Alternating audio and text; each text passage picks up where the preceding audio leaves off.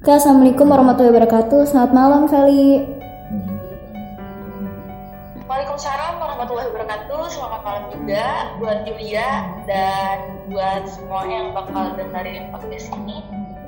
Nah, kita ini di podcast kali ini eh, aku bakal bahas terkait tentang pendewasaan usia perkawinan. Nah, sebelum kita ke materi itu, aku mau kenalin dulu ini yang lagi ngobrol sama aku tuh siapa? Wih, siapa?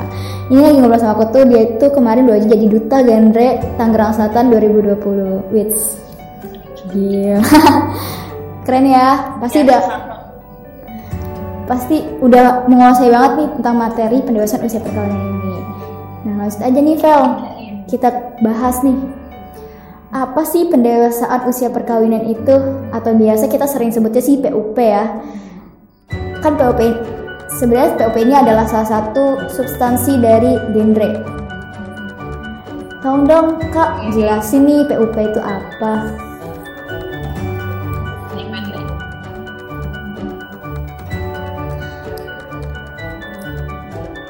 Apa sih, Vel, PUP itu?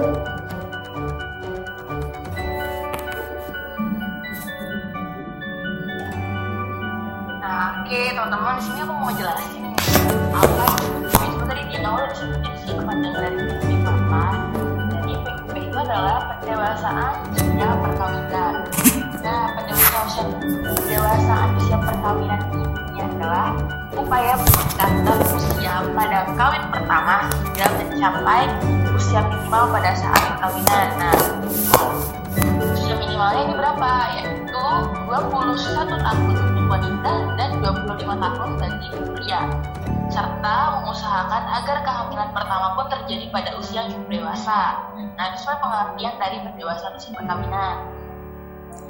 Eh, kenapa sih wanita itu diwa- eh, diharuskan nih diharuskan berumur 21 tahun dan laki-laki itu diharuskan berusia 25 tahun.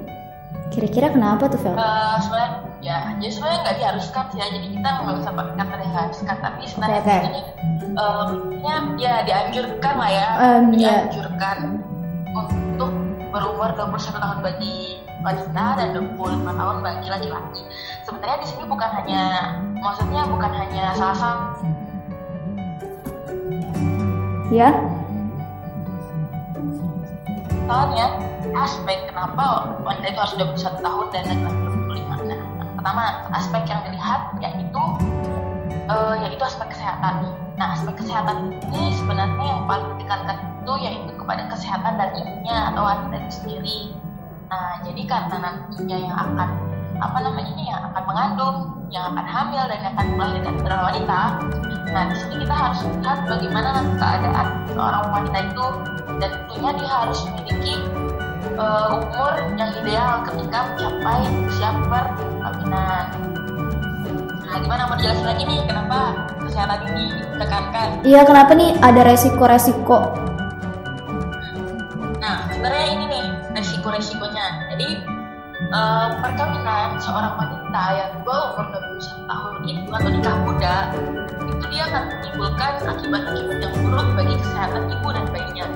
Yang pertama yaitu kematian ibu, pendarahan atau infeksi pada rahim. Nah, terus yang kedua yaitu bayi cacat dan kematian bayi dalam kandungan. Kemudian ketiga, kurangnya kesiapan ibu muda untuk menangani kasus-kasus atau masalah yang dihadapi oleh anaknya. Nah, untuk poin yang ketiga ini nanti mungkin kita akan menjelaskan kepada aspek psikologi ya. Hmm. Jadi eh, seorang ibu ini eh, organ-organ reproduksinya ini belum matang gitu. Jadi sehingga nanti ketika dia eh, hamil di bawah usia yang telah ditentukan usia matangnya, nanti banyak sekali resiko-resiko gitu. Yang salah satunya tadi udah saya sebutkan kematian, bayi cacat, dan lain-lain sebagainya. Nanti juga resikonya bukan sampai sini saja. Nanti kemungkinan ketika lahir anaknya itu bisa terkena stunting. Nah, iya. Nah, ya karena 42,2 persen bayi stunting itu atau anak yang stunting itu berasal dari ibu yang eh, berasal dari ibu atau wanita yang nikah menikah pada usia ini atau di bawah usia 21 tahun tadi. Nah, itu dari aspek kesehatannya. Jadi kita yang paling lihat sebenarnya di sini adalah dari segi wanita sih kalau kesehatan kan. Sangat sangat beresiko gitu. Nah terus satu lagi. Gimana nih kalau misalnya udah terlanjur gitu, udah Nah, terlanjur iya. nikah usia muda? Nah itu nanti sebenarnya bisa ditunda untuk kehamilannya sampai dia benar-benar matang dan siap yaitu dengan eh, menggunakan alat kontrasepsi Nanti untuk kontrasepsi kita bahasnya di, di pembahasan lain ya. Jadi kita Iya. Oke. jadi kita kayak menunda bulan madu menjadi tahun menjadi tahun madu ya kan jadi kita menunda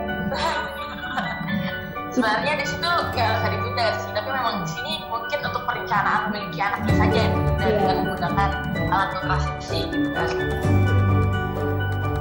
kita ada aspek selanjutnya apa tuh aspek ekonomi bukan Hmm, betul. Selanjutnya adalah aspek ekonomi. Nah, eh, sebenarnya di sini kita bisa udah punya bayangan sih kenapa sih jika seorang laki-laki ataupun perempuan yang menikah di bawah usia dini, eh, maaf di bawah usia telah ditentukan atau pernikahan tentu nanti kan ikannya pasti akan terganggu ya kan? terputus. Ya terganggu entah terputus gitu. Yang sedang yang sudah kuliah saja yang dibolehkan menikah aja pasti kayak keteteran gitu kan? Nah iya. Bahasanya. Nah apalagi ini yang umurnya belasan gitu. Misalnya masih umur sekolah.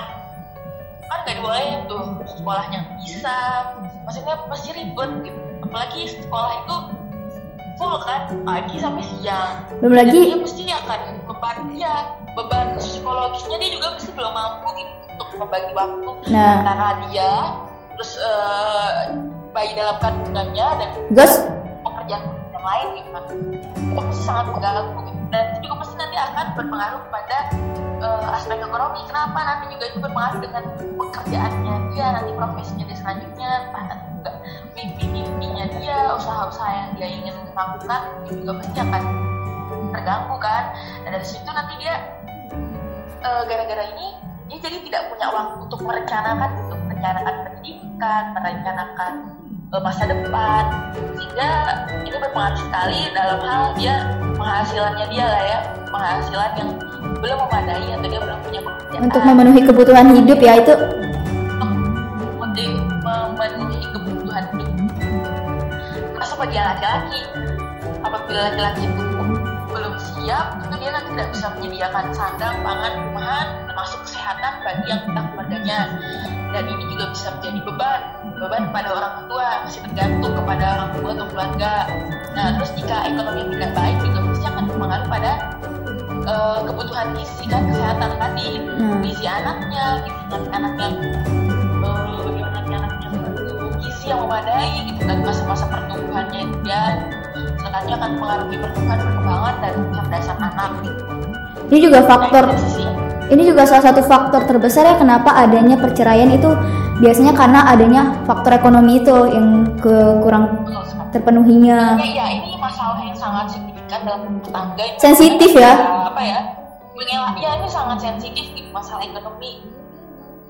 Bayangkan saja dalam usia, usia nikah muda, ekonomi tidak baik, ekonomi ekonominya nggak baik gitu keadaannya. Terus ditambah lagi dengan pemikirannya mungkin yang tidak bisa menghandle emosi Nah, iya. diri sendiri maupun pasangan. Nah, jadi kayaknya di situ udah permasalahan ekonomi, terus dengan belum lagi masalah psikologisnya dia belum bisa menghandle dengan baik, gitu kan? Itu yang membuat memang angka perceraian di Indonesia tinggi. Saya juga eh, mengambil contoh ya, salah satunya aku ngambil langsung aja dari daerah Lombok. Gitu. Aku tahu banget gimana di Lombok itu usia pernikahan, eh, masalah pernikahan dini ini benar-benar wah menjamur lah kalau menurut aku ya. Iya. Pernikahan dini di Lombok itu benar-benar banyak kasusnya dan itu memang banyak banget gitu ya. Baru satu tahun menikah bercerai. Terus misalnya sudah menikah anaknya lahir ini banyak benar-benar di kalangan di, di antara lingkungan aku banget. Teman-teman aku tuh banyak banget nikah usia dini bercerai juga usia dini iya. terus menjadi single parent. Dan ujung-ujungnya dia nanti juga pekerjaannya juga mungkin nggak pasti. Kayak misalnya nanti ujungnya menjadi tenaga kerja di luar negeri. Karena emang dia atau jadi buruh pabrik gitu ya. dari ya gitu. Jadi pada bentuk kayak wah permasalahan jadi ke mana-mana gitu. Nah ini sebenarnya perlu ditekan, tekankan lagi sih. Dan ini udah menjamur dan membudaya gitu. Di masih di beberapa kalangan masyarakat.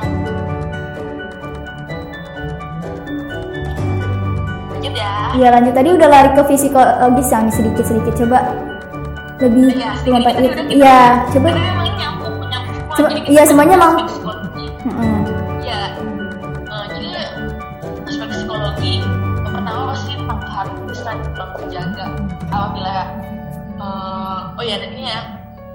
Sih laki-laki itu dia eh, disarankan atau dianjurkan untuk menikah pada usia 25 tahun karena memang ada fungsi otak yang namanya hypothalamus Hmm, iya itu dia memang ya di dalam otak laki-laki itu memang dia berfungsi dengan baik apabila dia orang eh, seorang laki-laki telah mencapai umur 25 tahun. Nah, di situ seorang laki-laki dia apabila fungsi otak yang tadi itu bisa berfungsi dengan baik, dia bisa mengambil keputusan dengan baik. Nah, itu makanya kenapa laki-laki itu berperan sebagai kepala rumah tangga. iya betul Dia sangat ya, ya, seperti nahkoda lah dalam rumah tangga iya semua baik buruknya itu sepertinya yang dilihat pasti tentu dari kepala rumah tangganya. Nah, oleh karena itu kenapa laki-laki di sini sangat dianjurkan untuk menikah umur 25 tahun. Nah, begitu juga untuk wanitanya, kenapa dianjurkan juga 21 tahun? Karena di sini memang harus ada keseimbangan gitu antara laki-laki dengan perempuan supaya kita bisa menjaga emosi satu sama lain dan juga bisa mengerti satu sama lain antara antara dirinya dan juga pasangannya. Gitu. berarti em, perem- eh, berarti perempuan itu kedewasaannya lebih cepat dong Vel daripada laki-laki itu sendiri karena yang tadi kamu bilang kan laki-laki kedewasaannya di usia 25 tahun ya itu memang dari fungsi ya dari fungsi otak atau dari Hmm. masalah kematangan emosional karena kita tahu kan pubertasnya laki-laki juga lebih lambat kan dari perempuan. Perempuan pubertasnya juga umur 11 eh 9 sampai 12 tahun kan dan Hmm. laki-laki 13 sampai 15 tahun. Iya. nah itu. Apalagi ketika rumah tangga itu satu ketika setiap pasangan itu punya ego yang sama gitu. Ketika dua-duanya nggak punya kedewasaan salah satu penyebabnya adalah perceraian lagi ya Vel Eh, memang itu bisa menjadi salah satu penyebab perceraiannya karena itu ego komunikasi. Yang nggak mau ngalah satu sama lain. keharmonisan. Jadi ini nanti eh, akan membuat keharmonisan yang kurang terjaga lalu masih belum bisa mengatasi masalah dalam keluarga baik internal maupun eksternal. Terus selanjutnya ada aspek pendidikan. Nah ya Nah, eh sebenarnya kita udah singgung di awal nikah muda otomatis nanti dia pendidikan terus atau terganggu. nah. Nah, dia tidak bisa menyiapkan jadi di masa sebenarnya masa muda kita itu ya kita isi untuk membekali diri kan? Nah betul. Kita isi itu untuk membekali diri supaya nantinya kita juga dapat memberikan eh, bekal yang baik kepada generasi kita atau anak-anak kita gitu. Bagaimana kita bisa memberikan pendidikan yang baik bagi keturunan kita? Nah, kita apabila kita sendiri tidak memiliki asupan pendidikan yang baik. Nah, oleh karena itu eh, mengapa pernikahan dini ini sudah dipertimbangkan gitu tidak baik sangat tidak baik dan memang kita sudah ditentukan menikah usia yang ideal minimal 21 dan 25 karena bisa jadi nantinya kita tidak tahu bagaimana cara mendidik anak sesuai kondisi anak gitu kan. Hmm. karena memang pendidikan ini nggak terbatas hanya di akademik ya banyak banget. Jadi bayangkan ilmu itu nggak ada habisnya. Bagaimana cara mendidik anak mendidik diri sendiri saja gitu kan. Dan itu kita juga harus punya waktu yang luang gitu. Harus punya waktu yang banyak. Nah waktu-waktu yang baik ya memang masa-masa muda seperti ini gitu. berarti nah terus selanjutnya eh, aku mau nanya nih tentang aspek pendidikan. Berarti perempuan berpendidikan tinggi itu nggak salah ya? Karena memang nggak salah dong. Sangat nggak salah gitu. Karena sebenarnya aku sebenarnya nggak tahu sih ya dari mana datangnya eh, pemikiran bahwa ah, perempuan itu nggak boleh berpendidikan tinggi gitu. nah iya. Karena nah hmm, karena sebenarnya enggak Ini sih pandangan budaya. kita lihat iya kita lihat saja dalam dalam Al-Quran gitu ya dalam dalam kitab suci Al-Quran gitu tidak ada perbedaan dalam hmm, menuntut ilmu laki-laki dan perempuan Wah, semuanya harus setara gitu kan apalagi kalau kita bisa pernah mendengar tuh al-ummu pada dosa Seula, ya. ibu itu adalah ah, Pendi- sekolah pertama bagi Iya, anak-anaknya. Nah, kalau sekolah berarti dia ada sumber ilmu dong Hmm, ini kan betul. Nah, bagaimana? Berarti gue harus mendapatkan asupan pendidikan baik gitu. Dari dipersiapkan dari sejak dini, dari sebelum dia menikah, dari sebelum dia menikah, dari sebelum dia mengenal siapa pasangan hidupnya semua harus disiapkan gitu. Karena memang menurut riset juga ya, Iya, nah itu. eh, kecerdasan itu, kecerdasan anak itu memang 90% tergantung dari Ibunya. Nah, dari ibunya gitu. Jadi betapa pentingnya pendidikan bagi ibu gitu. Nah, terus eh, ibu saja penting kan, apalagi nanti ayahnya yang akan menjadi nakoda dalam rumah tangga. Berarti Hmm. memang dua-duanya ini Agar seimbang ya. laki dan perempuan. Ya, memang mereka berdua itu adalah laki-laki dan perempuan itu memang kayak eh, partner gitu, partner hidup dan mereka memang harus berdua generasi yang baik. Ya udah. Novel, kan ada tuh yang terakhir tuh ada aspek kependudukan. Nah, aspek kependudukan itu sebenarnya apa sih? Nah, jadi aspek pendudukan ini adalah salah satu aspek memang yang diperhitungkan dalam eh, pendewasaan usia perkawinan. Ada tiga hal ya sebenarnya yang berkaitan. Eh, yang pertama yaitu berkaitan dengan pengendalian kelahiran. Kedua, berkaitan dengan lamanya masa subur perempuan. Dan yang ketiga, berkaitan dengan banyaknya anak yang akan dilahirkan. Nah, kenapa pendewasaan usia perkawinan dalam aspek kependudukan ini berkaitan dengan pengendalian kelahiran? Karena kelahiran yang tidak eh, dikendalikan akan menimbulkan kayak hmm, apa Ketidakmerataan. namanya? Bukan hanya ketidakmerataan, berarti kuantitas penduduk yang semakin banyak gitu kan yang tidak terkendali. Iya, tidak terkendali dan akhirnya nggak Nah, merata. tidak terkendali dan itu sedangkan eh, kuantitasnya nanti tidak bisa sedangkan kita lihat sendiri di Indonesia ini masih negara berkembang dan apabila nanti kuali- kuantitasnya penduduknya banyak dan dia tidak setara dengan kualitasnya nah itu akan menimbulkan masalah-masalah baru di masyarakat dan menjadi beban pemerintah pertama mungkin nanti dari eh, kualitasnya misalnya buruk kualitas kesehatannya buruk Pelayanan masyarakat ya. Hmm, pelayanan masyarakatnya justru juga semakin tidak baik kan? pelayanan masyarakatnya kurang terus nah ini berpengaruh dengan masalah ekonominya juga dengan masalah pendidikannya juga gitu kan. Karena misalnya kita seperti yang kita tahu tahu IPM nggak indeks eh, pertumbuhan masyarakat itu kan? Hmm, iya. dilihat dari tiga hal. Kesehatan pendidikan dan ekonomi, Ekonomi. karena kita tahu sendiri Indonesia itu IPM-nya masih di kalau nggak salah ya entah di 2020 itu seperti apa eh, itu Indonesia urutan ke 116 dan itu kan benar-benar rendah kan kenapa? Karena kesehatannya kurang. Banyaknya ibu dan anak ibu dan bayi yang meninggal. Pendidikan kualitas pendidikannya yang buruk gitu ya. Masih rendah gitu lah ya. Dan ekonominya juga yang masih rendah. Masih banyak ketimpangan lah di negara kita ini. Untuk itu sebenarnya untuk membantu supaya antara kualitas dan kuantitas ini sejalan harusnya ada pengendalian kelahiran gitu kan supaya nanti kita belum punya wadah nih yang tepat belum punya ekonomi yang baik pendidikan yang baik tentunya nanti udah ada bom gitu bom penduduk gitu ya. Nah ini kan susah gitu beban gitu. Terus selanjutnya ada lamanya masa subur perempuan. Nah untuk itu kenapa adanya eh, batas gitu ya pembatasan. Makanya sini kita mengenal ada kayak masa menunda perkawinan dan kehamilan, ada masa menjarangkan kehamilan dan juga ada masa mencegah kehamilan. Nah, masa menunda perkawinan itu adalah di bawah usia 21 tahun.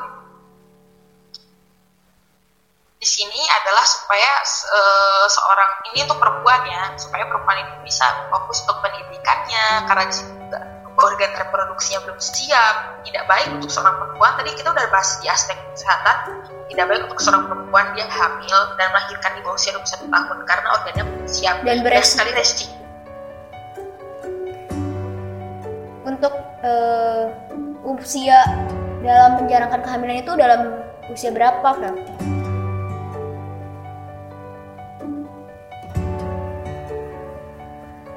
Well, kan tadi ada usia menunda kehamilan. Nah, terus tadi juga Feli mengatakan bahwa ada usia menjalankan kehamilan. Nah, untuk usia menjalankan kehamilan ini pada usia berapa ya? Oke, sebentar ya. Kita masih bahas tentang masa menunda kehamilan. Nah, tadi udah masa menunda perkawinan. Nah, kalau dia udah menikah, udah terlanjur menikah, maka dia harus menunda kehamilan dengan mengikuti program, uh, yaitu dia harus menggunakan alat kontrasepsi. Kontrasepsinya yang sesuai dengan umurnya dia ya, sesuai umurnya dia dan suaminya gitu. Nah, baru di sini ada masa menjalankan kehamilan, yaitu di antara umur 21 sampai masa 35 sampai umur 35. Karena masa 21 sampai 35 tahun ini adalah masa-masa subur bagi perempuan. Hmm. Nah, masa subur inilah di mana memang organ reproduksinya sangat berfungsi. Tapi perlu diingat di sini harus ada masa menjarangkan supaya nantinya ibu yang ini bisa fokus kepada anak pertamanya. Ya. Sebelum nanti dia berencana untuk memiliki anak kedua gitu. baru deh di usia ke-35 ini adalah masa mencegah kehamilan karena masa 35 tahun ke atas ini dia sudah apa namanya umurnya rawan gitu ya rawan untuk memiliki anak lagi rawan terhadap kesehatan seorang ibu. Beresiko juga berarti ya kehamilan di usia di atas 35 tahun ini? Iya. Beresiko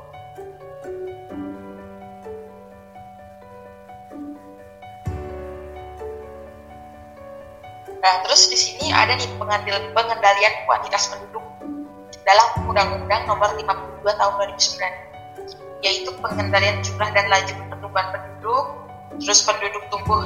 Jadi ini usaha ya, usaha dari pemerintah yang tertuang dalam undang-undang, yaitu mengendalikan jumlah dan laju pertumbuhan penduduk, kemudian penduduk tumbuh seimbang, gitu kan seimbang, termasuk ini juga masalah mobilitas ya, soalnya oh, kebanyakan iya. penduduk kita kan berpusat di Pulau Jawa ya, betul banget.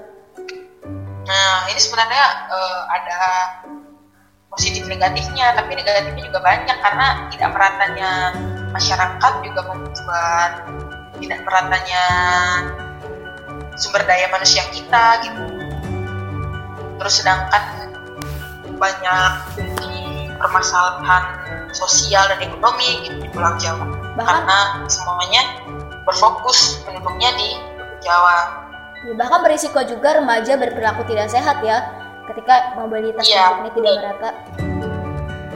Bahkan kayak uh, remaja yang mengalami kehamilan sebelum menikah itu rawan juga ya ketika hal ini terjadi. Iya. Karena memang kurangnya uh, penduduk yang tidak merata juga mengakibatkan kita bisa lihat ya sekarang rata-rata orang sih nanti uh, kebanyakan orang pasti ketika ingin melanjutkan studinya rata-rata dia pasti kebanyakan datangnya ke Pulau Jawa ingin bekerja ke Pulau Jawa jadi mau tidak mau biasanya jadi mau tidak mau pembangunan pasti akan dibuat terus di Pulau Jawa. Jawa. Nah pulau-pulau yang lain itu jadi nggak fokus gitu untuk membangun pendidikan yang baik, bangunnya yang baik itu makanya dia sebenarnya belum merata gitu mobilitasnya tidak merata, kuantitasnya tidak merata, tapi kualitasnya apa mas? Kuantitasnya semakin banyak, kualitasnya menurun. Rendah, mobilitasnya tidak merata. Itu seputar mengenai uh, aspek kependudukan. Untuk uh, tadi kan kita membahas tentang per, usia perkawinan ya. Untuk usia perkawinan yeah. sendiri, kan kita banyak nih. Uh, salah satu contohnya mungkin ada hal yang terjadi di lingkungan kita lah. Ada contohnya pernikahan di usia dini. Yang di mana pernikahan di usia dini ini karena adanya faktor sosial budaya. Iya. Di mana kita nggak bisa dong merubah budaya seseorang yang di mana dia sangat e, memegang teguh bahwa prinsip bahwasannya menikah di usia muda adalah sesuatu hal yang baik dan dianjurkan gitu. Gimana sih sebagai kita nih orang yang mengerti orang yang maksudnya kita memiliki informasi terkait hal ini untuk mengedukasi mereka. Karena kan bisa kalaupun kita memaksa mereka pun sulit gitu. Nah jadi sebenarnya memang kita nggak bisa ya memaksakan. Bahkan bila kita memaksakan malah menjadi masalah baru menurut saya. Jadi sebaiknya nggak usah dipaksakan karena memang mengubah budaya atau adat setempat itu memang sulit apalagi udah mengakar. Uh, sebenarnya sebenarnya ini seiring berkembangnya zaman itu sebenarnya bisa berubah sih pemikiran bisa berubah karena sifat masyarakat itu kan dinamis. Kita juga tahu hasil dari survei bahwa uh, pernikahan ini sebenarnya semakin berkurang. Hanya 27% pada tahun 2015 pada tahun 2018 pernikahan ini menjadi 23% walaupun memang turunnya nggak banyak tetap tetap sebenarnya masih banyak sih angka pernikahan ini masih banyak tapi turun gitu kan jadi uh, dengan masyarakat ini dinamis berubah di situlah peran kita sebenarnya juga mengedukasi terus gitu.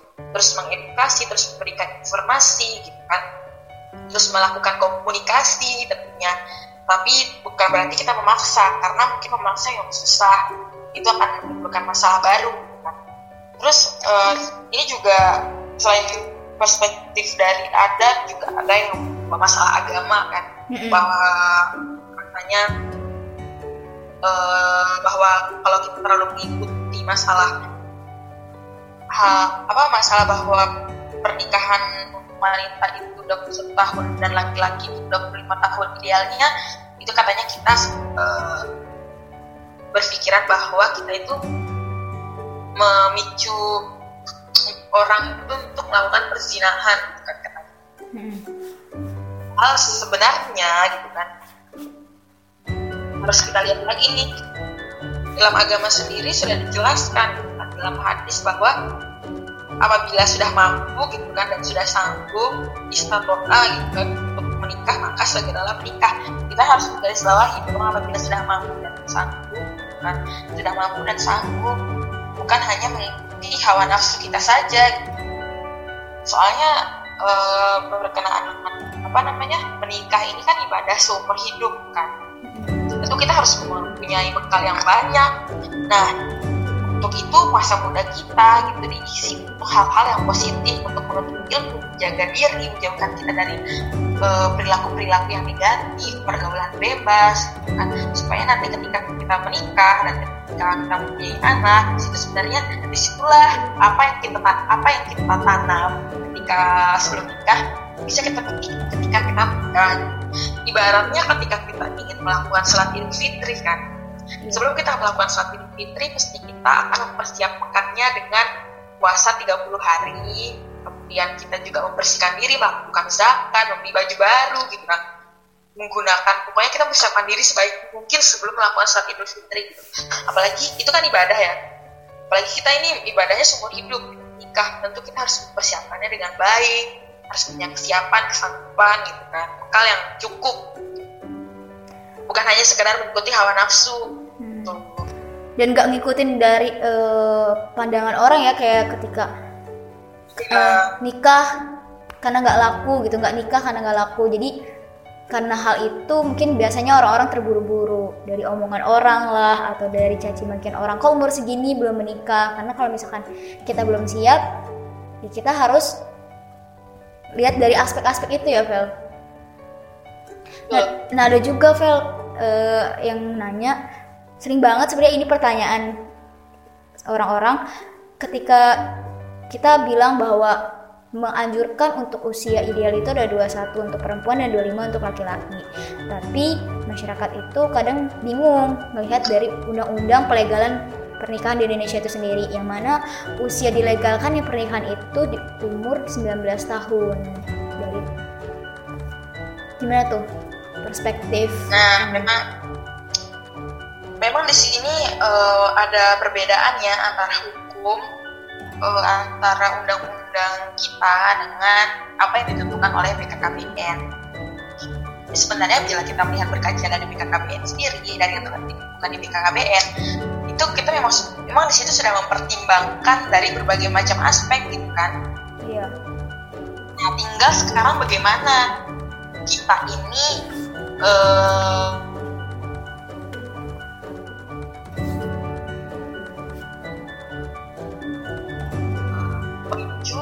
bagaimana nanti masyarakat itu juga semakin tersadar kan? Tersadar makin ada hal yang mengikat sehingga nantinya mereka juga akan lebih sadar gitu, dan lebih ketika nanti ada hukum yang memayungi gitu kan. Nanti masyarakat juga lebih sadar akan hal bahwa pentingnya pendewasaan usia perkawinan. Memang di sini eh, memang betul antara hukum kita dan apa yang ditentukan di BKKBN itu memang ada seperti tidak keselarasan gitu ya. Tapi artinya di sini tidak menekankan untuk menikah di umur seperti 21 atau 25. Baik lagi ke orang itu sendiri ya, Vel. Kalau dia emang sudah siap dari aspek yang tadi sudah di dari di sudah dijelaskan, ya nggak masalah kalau dia mau menikah di usia muda juga gitu. Artinya tidak kita di sini juga tidak mendorong orang untuk menikah di usia seperti itu gitu. Banyak juga orang yang memang memang sudah mungkin dia sudah siap dari aspek ekonomi, psikologis, kesehatan dan juga kependudukan serta pendidikannya. Tapi di usia dia masih muda, ya nggak masalah ya kan? Ya, sebenarnya sebenarnya tidak ada paksaan ya ini sebenarnya bukan tidak ada paksaan. Eh, yang penting kita di sini sebagai orang yang mengetahui betapa pentingnya hal tersebut, gitu, aspek-aspek ini kita memberitahu. Gitu. Nah, mau bagaimana orang itu ya itu kembali lagi kan, kembali ke dirinya masing-masing. Oke, makasih Feli atas informasi terkait tentang pendewasaan usia perkawinan. Semoga ini bermanfaat. terima kasih juga. Semoga ini bermanfaat ya buat kita semua.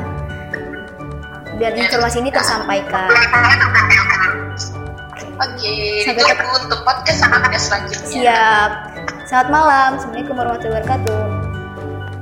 Waalaikumsalam warahmatullahi wabarakatuh.